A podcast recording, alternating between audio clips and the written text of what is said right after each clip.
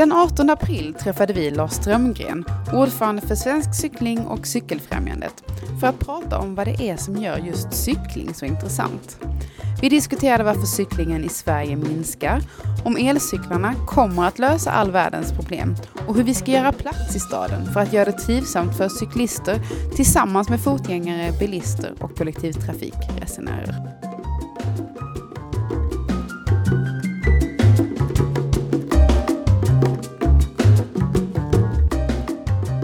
Hej och välkomna till Esplanad, en podd om staden, trafiken och framtiden, producerad av Trivector. Jag heter Caroline Ljungberg Troelsson och jag jobbar på Trivectors Lundakontor. Och jag heter Axel Persson och jag jobbar på Trivectors Göteborgskontor. Och I förra avsnittet så träffade vi stadsbyggnadsdirektörerna i Lund och Malmö och diskuterade städernas samverkan med varandra och andra och hur vi kan jobba mer med varandra. Eh, men nu har vi någon eh, annan på plats. Precis. Idag befinner vi oss på Stockholmskontoret och har med oss en mycket intressant gäst. Han är ordförande för Svensk Cykling, ordförande i Cykelfrämjandet och tillförordnad president i European Cyclist Federation. Välkommen till podden, Lars Strömgren. Tack så jättemycket. Kul att vara här. Trevligt att ha dig här, Lars. Eh, du är ordförande i både Cykelfrämjandet och i Svensk Cykling och nu tillförordnad president i European Cyclist Federation det är mycket cykling. Det har blivit det. Från ja. början var det inte meningen att det skulle bli så mycket cykling. Jag var mest intresserad av stadsplanering och stadsutveckling. Eh, sen blev det väldigt mycket cykling helt plötsligt. Ja. Vad, är det, vad är det som gör att du fastnar just för cykling? Um, jag tror det är en kombination av, um, alltså dels upptäckte jag i min roll som konsult inom trafik och stadsplanering att väldigt många frågor som vi pratade om borde kunna lösas så att man kan sluta prata om dem om man gjorde plats för cykeln och skapade förutsättningar för cykeln. Så att jag, jag upplevde ett, ett tomrum för att presentera cykeln som ett, ett, eh, ett viktigt alternativ eller ett viktigt, eh, en viktig åtgärd för att skapa det alla pratade om. Mm.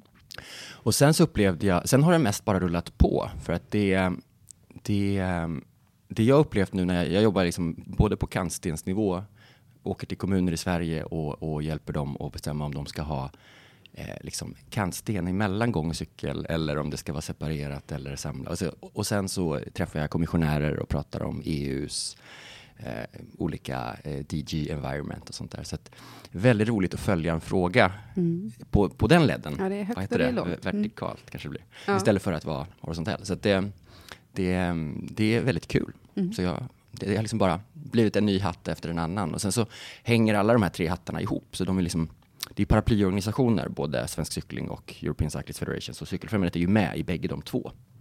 Så det, jag brukar likna mitt liv lite vid en sån här rysk docka då. Det liksom finns en liten docka i mitten som är Cykelfrämjandet och sen så är det Svensk Cykling runt den och sen ytterst då European Cyclist Federation. Mm. Ja, just det. Om du ska gå in lite mer på vad ni gör i de olika mm. organisationerna. Så Cykelfrämjandet och och eh, Svensk Cykling. Vad är ja, mer detalj skillnaderna där? Precis. Eh, cykelfrämjandet är ju en, en ideell förening med cyklister. Så där kan bara privatpersoner vara med. Och den har funnits i över 80 år. Och egentligen kan man väl säga att det var efter valet 2014 när jag och den som var representant för Svensk Cykling, eller egentligen inte Svensk Cykling då, utan det fanns ett, en sammanslutning mellan eh, Vätternrundan och cykelbranschen och några fler och den hette faktiskt också Svensk Cykling då, men det är inte samma sak som Svensk Cykling är idag. Eh, och då var representanter för den och jag uppe i trafikutskottet i riksdagen. Och då fick vi just frågan, vad är det för skillnad mellan er? Tycker ni inte lika? Och då tittade vi på varandra och sa, jo, det brukar vi tycka. Eh, och sen frågade de så här, men är inte Cyklistförbundet och de här, vad, vad, tycker de om det här? Tycker de att man ska bygga cykelbanor eller ska man få cykla i gatan? Eller så där? Då insåg vi att det behövs en, ett paraply för för alla olika röster kring cykel i Sverige. Så att Cykelfrämjandet är för cyklister. Svensk Cykling är en organisation av organisationer. Så där ingår Naturskyddsföreningen, eh, Cykelfrämjandet, eh, cykelbranschen, Vätternrundan och Cykelförbundet, då, tävlingsloppen. Och sen är då European Cyclist Federation, har då, det är också en organisation för organisationer. Så där ingår lite mer än 80 organisationer från, från Europa. Och då är det både, mest är det cyklistorganisationer då, klassiska sådana här ideella föreningar, men det finns också ett nätverk för, för städer, Cities for Cycling och det finns ett forskningsnätverk som heter Scientists for Cycling och eh, lite olika sådana. Mm. Hur funkar det liksom att jobba med andra städer och andra länder framför allt? Jag tänker att man ser på Danmark och Nederländerna som är så duktiga på cykling, men hur ser det ut i, i Östeuropa? Mm. Är, liksom, är cyklingen en fråga? Um, hur skiljer det sig? Det är jättespännande. Eh, jag, är väl, jag gillar att resa väldigt mycket, så att när det kommer förfrågningar om vill någon åka till Ukraina och prata på den här konferensen, så är jag alltid den första som räcker upp handen. Och, så därför har jag under förra året var jag både i Vitryssland och Ryssland och Ukraina och Bulgarien och Egypten och pratade cykling på konferenser. Och det är väldigt roligt. Um, det finns en, man, jag blev väldigt imponerad av de organisationerna i de länderna, för de, det finns en väldig energi och glöd och det är på riktigt för dem. Mm. Eh, som det är för oss också, men det är liksom ännu mer liksom ute på barrikaderna. Så. Eh, sen börjar det hända saker, men, men det går inte att jämföra med, med Köpenhamn och så. Men, men det kan jag, det upplevde jag i början, att när man, när man hade en bild av att Köpenhamn är perfekt och så ska alla dit och sen är man bara mer eller mindre långt ifrån Köpenhamn, då, då blir det ett ganska, ska säga, tröttsamt narrativ kan jag uppleva. Mm. För då bjuder man in folk från konferenser som är, eller till konferenser som är från Köpenhamn och så ska de visa hur bra det är och så hurra och så är det slut. Och jag har mer börjat känna det som att vi är alla med och spelar upp en pjäs, låt säga, säg Hamlet. Och alla vet liksom vilka eh, karaktärer som finns med i den pjäsen och alla vet hur den börjar och hur den slutar. Och sen så försöker man bara sätta den i sin kontext.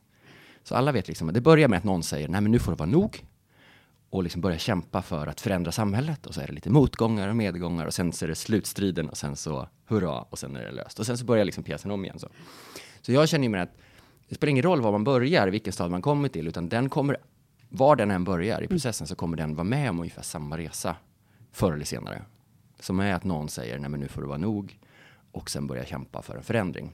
Och den, det är mycket intressantare att försöka sätta den i sin kontext än att mm. hela tiden säga att det här är facit och sen så så, så att, um, det, därför är det väldigt spännande att vara i länder där det inte um, har gjort så mycket än. Det kan jag tänka mig. Och också mycket att lära av varandra. Det finns mycket att lära av varandra och det, det, är också intressant att se hur, hur det kan funka i olika system. Det finns en, en eh, tidigare sovjetisk, eh, eh, men numera den, eh, Tatarstan heter den, som är en, jag vet inte hur den förhåller sig till Ryssland, men den tillhör inte Ryssland riktigt, utan den är liksom lite fri. Och där finns det en, i en av städerna där Almatjivsk en, eh, han som är guvernör i Almatjivsk, han träffade en dansk cykelexpert och blev helt såld på Köpenhamn och sa så här, kan du göra ett litet Köpenhamn i. Tatarstan? Du får obegränsade med oljepengar mm. som du kan plöja ner. Och de, jag tror de byggde fem mil på ett år eller något sånt där. Just det, när det väl händer något så När det väl händer, då, då är det liksom då, så. Så det är spännande att se hur eh, stadsplaneringsprocesserna är så komplexa just eftersom det är så många som ska tycka till och jag kan uppleva att inom många politiska områden så går det går liksom att lägga en miljard på vården och en miljard på skolan och, och bägge grupperna är nöjda. Men inom stadsplanering så blir det så tydligt vem som, tar man bort en parkering, då ser alla det. Mm.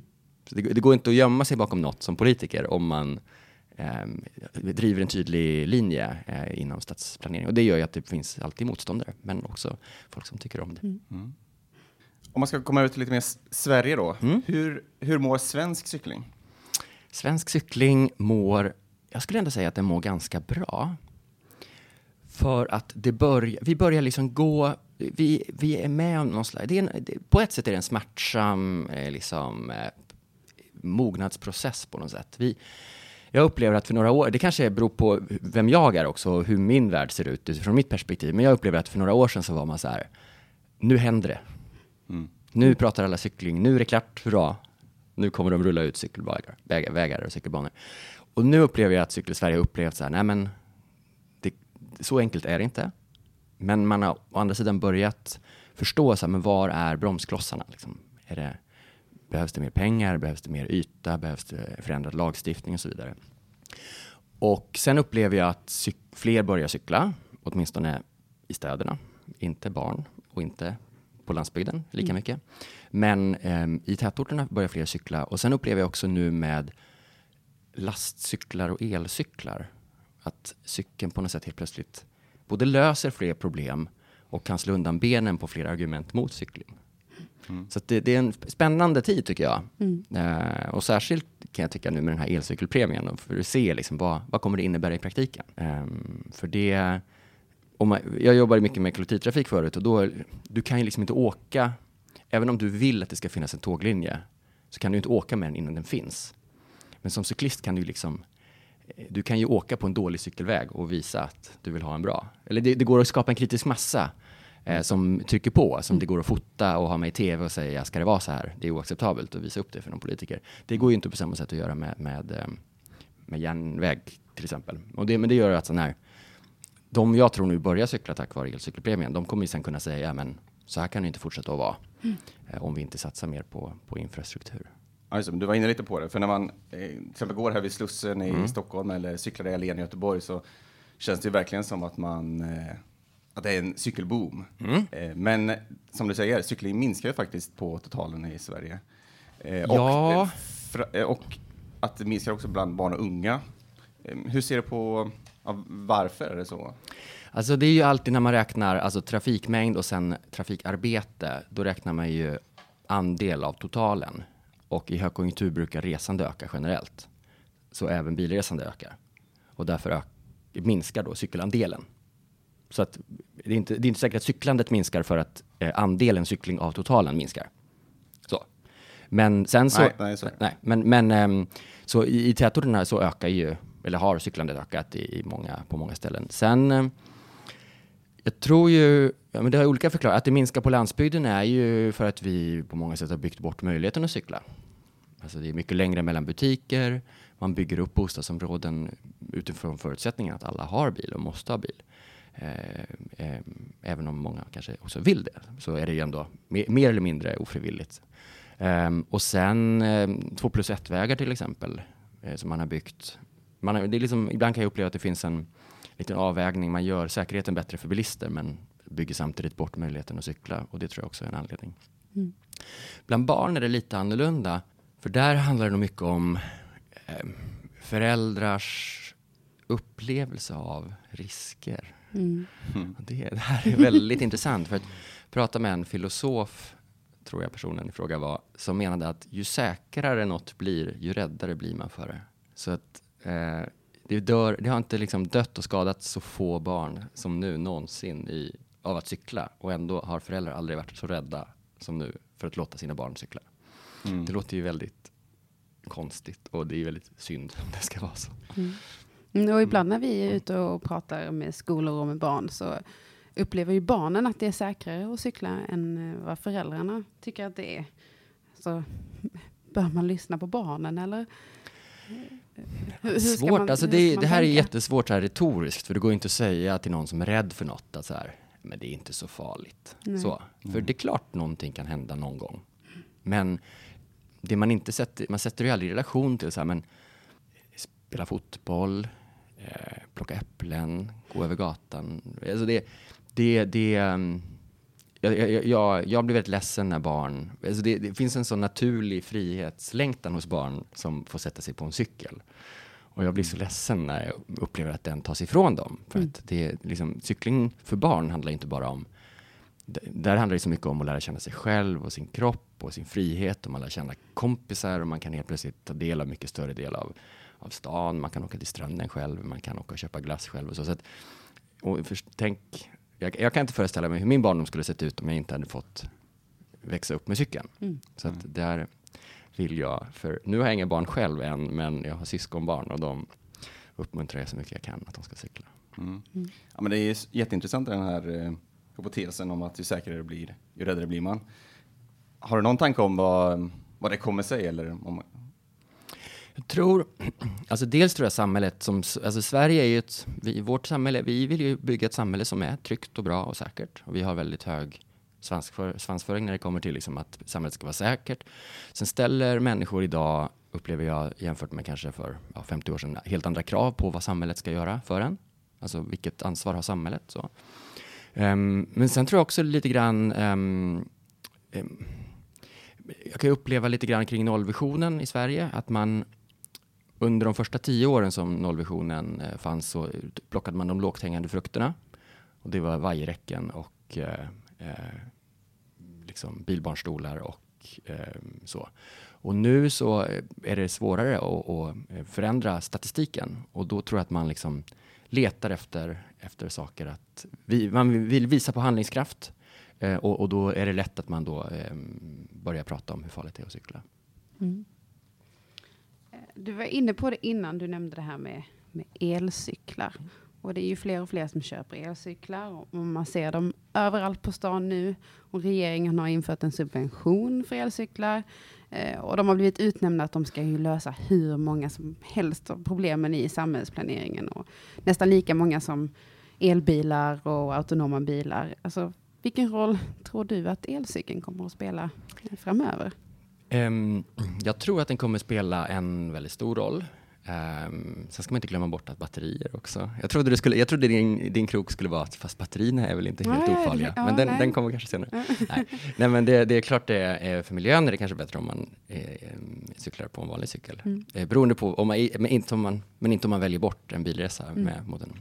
Men eh, jag tror att elcykeln kommer spela en jättestor roll. Mm. på flera olika nivåer. För mig personligen så tog det ganska många år innan jag... För jag har ju åkt på konferenser där det pratades om elcykling i många år och jag har alltid varit lite skeptisk och känt så här, men de vill, antingen är det någon representant för någon tillverkare som bara vill sälja elcyklar eller så är det någon som bara är fanatisk elbils, elfordons eh, fan. Mm. Så jag har alltid varit lite skeptisk sådär, men börjar inse. Men sen, det, det, jag tror det, för mig personligen så, det som hände var ju att jag insåg att helt plötsligt så fanns det någon, en ny vinkel och en ny krok att ta upp i media. Mm. Eh, för att det började ringa massa journalister som ville prata om elcykling och när någon sa så här, men cykla kan man inte göra för man blir svettig och det är för långt. Och då insåg jag att men, här har jag helt plötsligt ett nytt argument. Så för mig personligen så började det på retorisk nivå. Mm. Men sen har jag insett att jag tror att det, det är liksom den typen av, när man väl sitter i en bil så det finns ju, vad ska jag säga, trösklar i hur beteendeförändring sker. Så när du väl äger bilen, då är incitamentet att använda den när du ändå har betalt för den större Precis. och så vidare. Mm. Eh, och där kan ju elcykeln lyckas liksom pinpointa väldigt specifika grupper. Alltså antingen de som redan cyklar men som inte cyklar de längre sträckorna. Då kan de cykla längre. Mm. Eller de som inte alls cyklar, som aldrig har kunnat tänka sig att börja cykla, som helt plötsligt vågar prova tack vare elcykeln. Um, så att man, man lyckas tack vare elcykeln nå helt nya grupper. Och sen tror jag det här med lastcyklar och elassisterade lastcyklar. Det är liksom ytterligare en potential att, att du kan både som privatperson transportera barn och varor och så, men inom näringslivet och detaljhandeln. Att du kan lösa såna last mile eh, transporter och täta innerstäder och det här utmaningen liksom med att fordon används som i, liksom, i terrorsituationer och sånt, att, att man liksom kan få bort tung trafik från innerstäderna. Mm. Det tror jag också, det kan man inte göra utan elassisterade cyklar tror jag.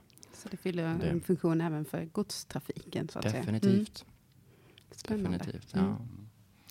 Vi, vi vill gärna hitta enkla, problem, enkla lösningar på svåra problem. Till exempel som Caroline sa, elbilar, autonoma fordon, elcyklar. Men finns det några farhågor att vi målar upp det här som en, som du säger, att de eh, det, med det blir ett stort tryck runt det. Är det så enkelt? Hur, hur, hur tänker du där? Ja, alltså den enklaste lösningen är oftast den bästa. Och eh, där, jag är kanske naiv när jag säger det, men jag tror ju att cykeln är en, alltså det finns väldigt mycket som kan lösas med cykeln. Sen, sen tror jag man ska vara ärlig och inse att all, alla transporter kommer inte ske med cykel i framtiden. Mm. Men det är väldigt många som idag inte gör det som skulle kunna göra det. Mm. Så att jag tror ändå att det är, det, är, det, det är sant det de säger, att cykeln kan, kan göra en väldigt stor skillnad. Sen tror jag det är Just eftersom resande är så beroende av beteende och beteendeförändringar och samtidigt är vi så fasta i institutionella ramar om hur både vilka det är som bestämmer hur saker görs, liksom vilka handböcker man använder när man bygger, ja, jobbar inom samhällsplanering. Och, så att, ibland kan jag känna att man lägger väldigt mycket på liksom, beteende, alltså att, att individer ska förändra sitt beteende. Och det är ju tack och lov många som gör det nu. Mm. Eh, men, men det är ju om man kollar på den nationella transportplanens budget på 622 miljarder så är det mellan 1 och 2 procent som läggs på cykelsatsningar. Och det är ändå eh, väldigt lite. Om man tänker att resan, eh, det totala resandet med cykel är kanske 10 procent av, av det totala resandet i Sverige.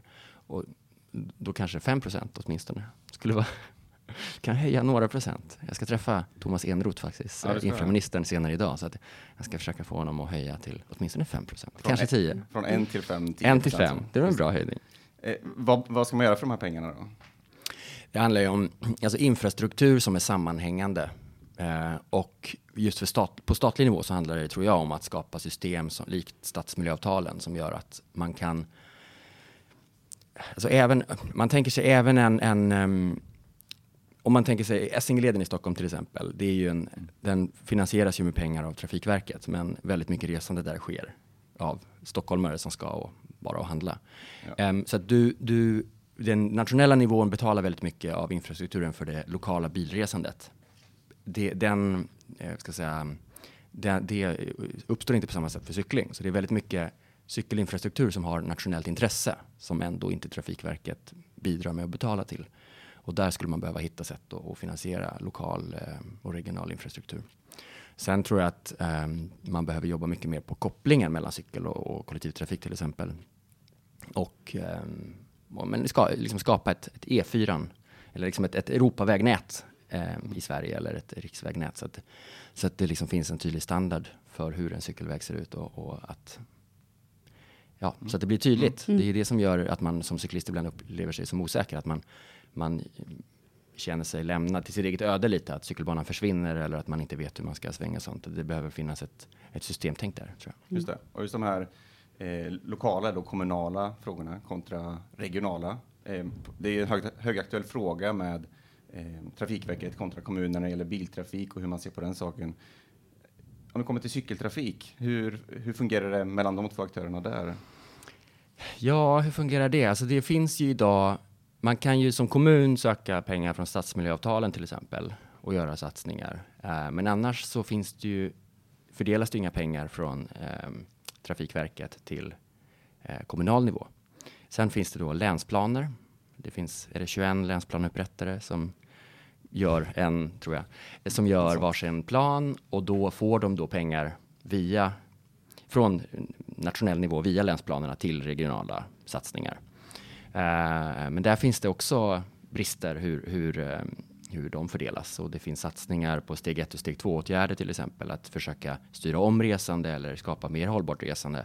Då, men då sätter Trafikverket sig på tvären och tycker att men det kan inte pengarna gå till. Så att om en region har ett problem och vill lösa det och så finns det en lösning som är att bygga en, en eh, förbifart eller en, eh, någonting och så är det en annan som är att skapa något mobility management eller no, någon liksom, eh, beteendeförändrande aktivitet, då, då kan eh, kommunen antingen komma fram till förbifarten och få pengar till den från Trafikverket, mm. eller så kommer de fram till de här andra åtgärderna och då får de inga pengar alls. Nej. Mm. Alltså det finns väldigt eh, osunda incitament i, i strukturen kring hur man får pengar till infrastruktur och, och det finns också en inbyggd logik, alltså Vägverket då, eh, som sen blev Trafikverket, de har ju byggt väg. Mm. Um, det är svårt att, att liksom det, är man utbildad till det och har man gjort det i alla år så kommer man ju fortsätta att vilja bygga väg. Mm. Uh, så det, det, det finns en hel del att göra där. Ja, men det finns en del att göra och jag tror inte att det, det går inte att förvänta sig att det kommer ske på en natt. Mm. Samtidigt går det inte att förvänta sig att bara för att alla säger cykling nu så kommer det hända automatiskt. Mm.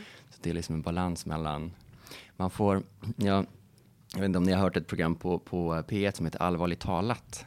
Mm. Är det, någon som, ja, det, är, det är lite kul för då sitter någon författare och så får de brev inskickade som är lite så här humoristiskt skrivna. Då. Och då var P.O. Enquist, författaren, han var programledare för några år sedan. Och, och då var det en kvinna som ringde in och sa så här att eh, jag har ett problem. Jag gnäller väldigt mycket. Och nu är min fråga till dig, ska jag fortsätta gnälla eller snuta gnälla eller ska jag förändra mitt gnäll eller vad ska jag göra? Och jag tycker det här svaret är så otroligt bra, för då svarar P.O. Enquist att ja, men jag förstår ditt problem, det liknar väldigt mycket mitt problem när jag skriver en roman. För om man ska förvandla en gnällspik till en hjälte, då måste man rytmisera. Det måste vara liksom, du måste vara oförutsägbar, du måste överraska och du måste trollbinda eh, läsaren. Så han sa att mitt tips till dig det är att rytmisera gnället.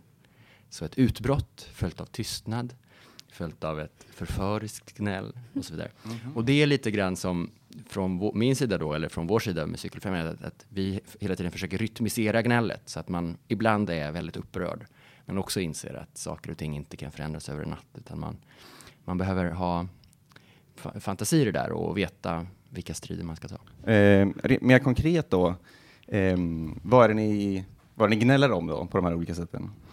Ja, vi gnäller ju när inte de resurserna tillsätts som behövs för att, alltså om man, särskilt är det ju om, om politiker säger att vi vill öka cyklingen och sen nästa dag så tillsätter de inte de resurserna som behövs för att göra det möjligt. Då, då inte bara gnäller vi, utan då är vi, då är, då är, det, då är vi upprörda. Då säger vi att det är oacceptabelt Mm. och så vidare. Eh, men man måste också förstå att i vissa lägen så kan både tjänstepersoner och politiker göra, verkligen göra så gott de kan inom ramen för sin, sin befogenhet och, och sitt mandat. Och då måste man, eller upplever jag det som att det är viktigt att, att försöka förstå hur den individen då, eh, vad den kämpar med. För det finns en del, det händer ibland att kommunalpolitiker hör av sig och säger så här, här har jag försökt satsa på cykling och det har inte gått eh, helt rätt, men det har ändå varit en start och så får jag bara skit av alla cyklister. Vad ska- då- vad- Varför ska jag då fortsätta? Just Och, jag, och då blir det, då, då, och då är det väl, då handlar det väl om att vi måste rytmisera då, så att då, då kanske vi behöver liksom peppa den personen då, just i det läget. Mm. Utan att den personen då ska tro att, ah, vad skönt, då var det klart. Jag tänker också på en annan sak kopplat till alla de här aktörerna som jobbar med cykling på olika sätt. Alltså vi pratar mycket om att vi behöver mer samverkan, vi behöver jobba mer med varandra. Eh, vi behöver inte de här planerna längre, utan vi behöver jobba med plattformar. Alltså, eh, hur ser du på det? Eh, har vi för lite samverkan kring cykling? Och skulle det kunna vara en väg framåt? I samverkan, det är ju ett fint ord. Ja, Nej, men, jo, eh, det är ju nej, väldigt men, eh, buzzword just nu. Verkligen. Men det ligger ju ändå någonting i det. Ja, det absolut. Det finns i vissa lägen. Det finns vissa lägen när alla egentligen, alltså eftersom alla har sig, man sätter ihop grupper då med personer med helt olika bakgrund, olika intressen, olika agendor och så vidare. Och det är naturligt att de har olika, att de kommer komma med olika saker till ett bord. Det är liksom anledningen till att man har valt ut dem. Och ibland kan ju lösningen vara att de får prata av sig och helt plötsligt så inser man att ja, men vi tycker ungefär samma sak. Och så gör man det. Men jag upplever att det, det finns en övertro på att liksom, det tar jättelång tid att komma på de bra idéerna. Och de idéerna tas fram av gubbar i Bryssel som tänker länge under konferenser. Och sen när de har kommit fram till rätt idé, då är det bara att göra den. Och där upplever jag att det är, ju, det är ju när man börjar gräva som det uppstår protester och så. Ehm, och då kanske man försöker liksom lappa och laga det genom att samverka mm, för att man inte vill ta konflikten så att säga. Så det beror helt på liksom var samverkan kommer in. Jag tror att samverkan är jätteviktig och någonting som jag upplever i Sverige är att Många nyexade trafikplanerare vill gärna jobba med cykel och gör kanske det i något år och sen tvingas de byta jobb för att de vill höja sin lön eller de vill flytta eller de vill. Så det, det finns, det skulle, jag upplever att, eh, och jag hoppas att det kanske blir av nu när VTI har fått pengar till ett sånt kunskapscentrum för cykel. ehm, som de, ska, fått, de har fått fem miljoner per år i fyra år.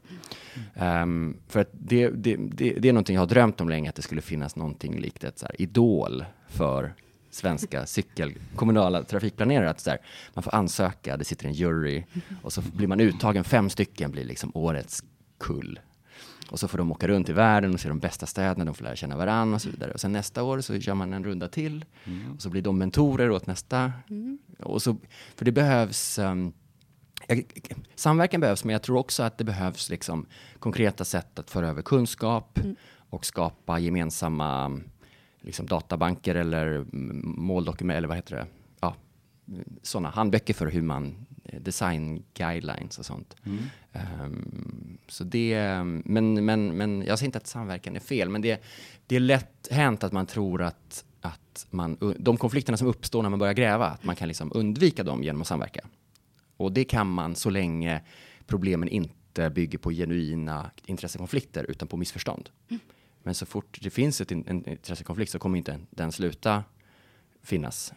För, så. Om man inte gör kohandel och då tycker att det är lugnt, ni får er motorväg, för vi får ju massa cykelvägar sen. 2029. Precis. Då, då sitter vi lugna i båten så länge. Mm. Ett idol för Visst. cykelplanering. Ja. Det låter ju väldigt lockande. Ja, visst. Men man slipper sjunga eller? Eh, det kan man få göra. Ja. Ja. Mm. Eh, tänker på en annan sak. Sen januari i år så har vi ju en ny klimatlag i Sverige. Och vi har ju också eh, väldigt höga mål uppsatta för att nå fossilfrihet till 2030. Alltså vilken roll fyller cyklingen i, i det här arbetet? Eh, och, vad är det som cyklingen kan hjälpa till att lösa? ja, var, var ska man börja? Ja, ja, det, Eh, nej, men det, det, den kan ju spela en... Den måste, eller för, för, om man menar allvar med de där målen och vill nå dem så måste ju eh, resandet eh, förändras. Mm. Ehm, och det...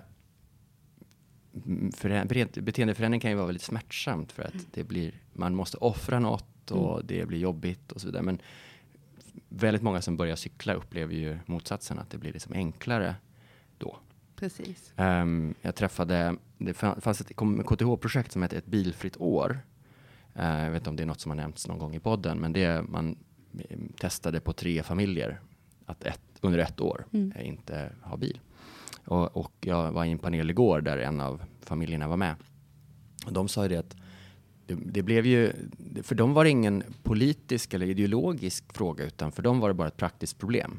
Mm. Och så löstes det mycket enklare med en elassisterad lastcykel, så var det inget mer med det. Men hur kommer det att- sig att de inte hade tänkt på det tidigare? Jag tycker man ofta hör argumentet att eh, livspusslet Mm. eh, ska fås ihop och sådär. Men hur såg de på det när de hade genomfört Nej, men elassisterade lastcyklar var inte så vanliga för några år sedan. Mm. Det, är- så att man visste nog inte vad det var. Och sen tror man, det finns väl massa trösklar, alltså det ska man ju skaffa en sån och så ska Mm. man göra sig av med bilen. Och man kanske ska till landet någon gång om året och köpa en soffa ibland. Och Ja, det, vi sitter ju fast i ett sånt grymt fast, vanebeteende ja. också. Att man, man bara gör som man brukar göra alltid. Man, man tar bilen på slentrian. Liksom. ja, Men sen funkar ju ofta de här beteendeförändringarna ehm, när man har fått lov att testa någonting. Eh, för vi, vi är väldigt duktiga ofta på att försvara den livsstil vi har. Så har Mm. man väl fått prova det så tycker man helt plötsligt att det är toppen. Visst. Liksom. Jag tycker att det hände med de här eh, Verkligen. familjerna. Verkligen. Eh, och men det är när man måste över den här Mm.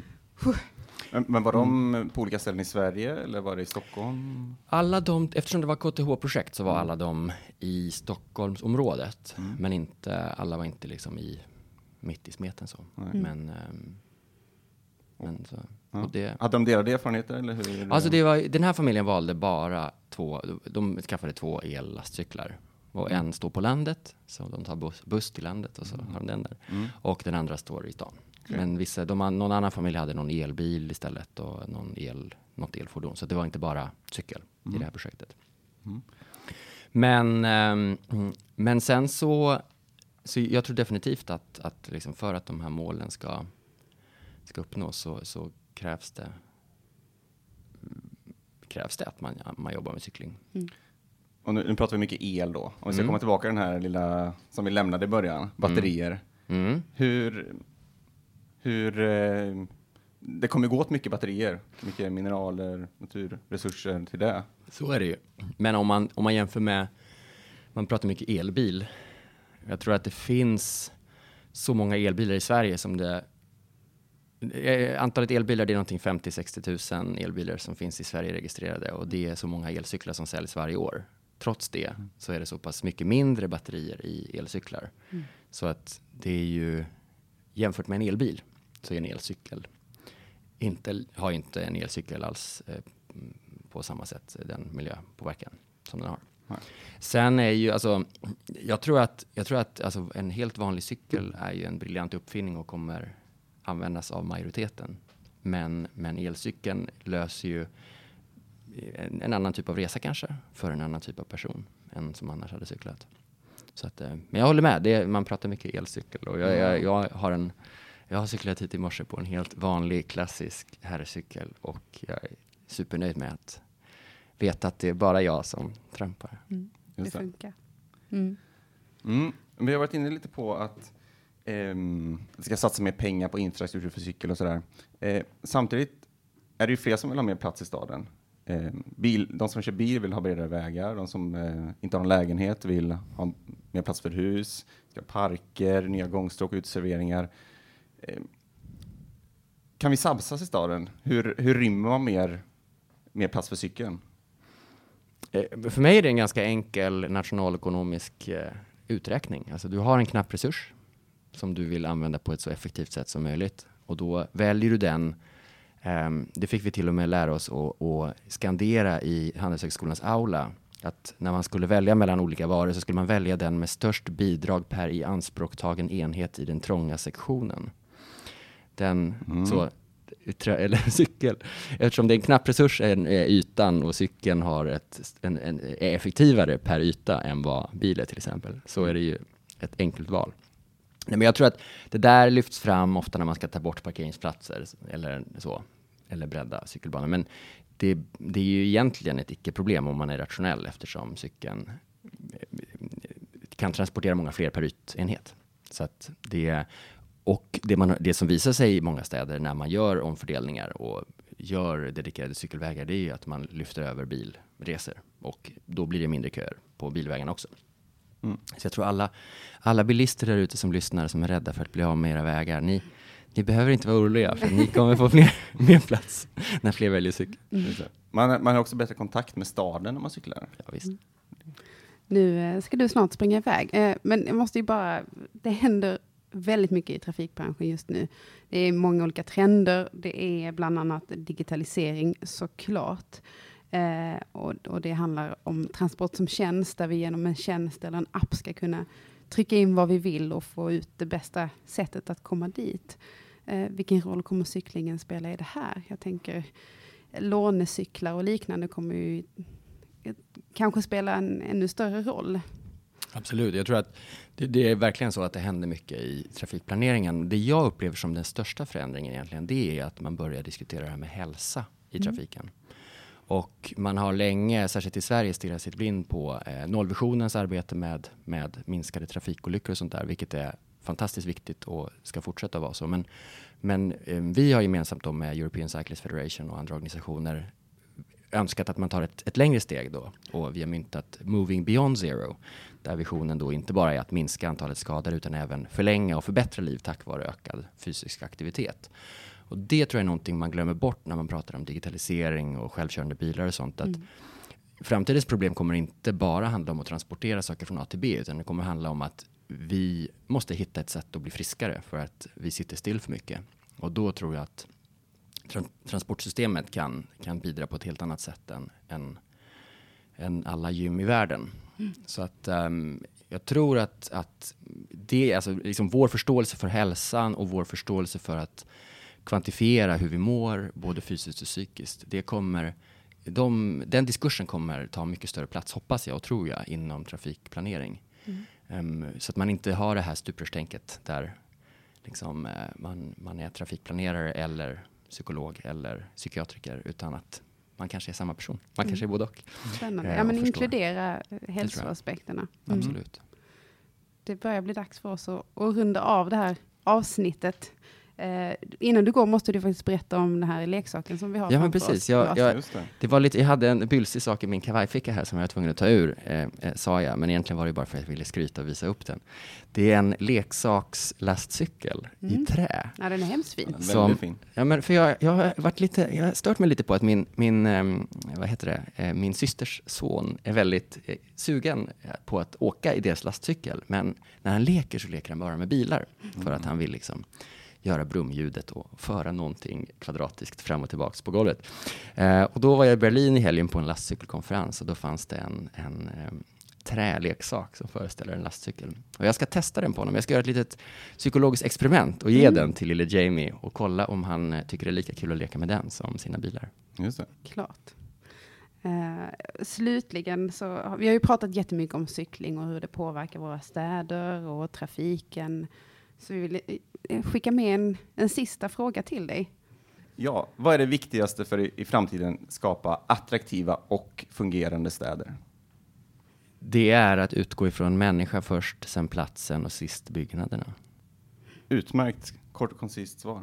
Mm. Stort tack för att du gästade Esplanad, Lars. Tack så Tack. mycket. Hej då. Hej då.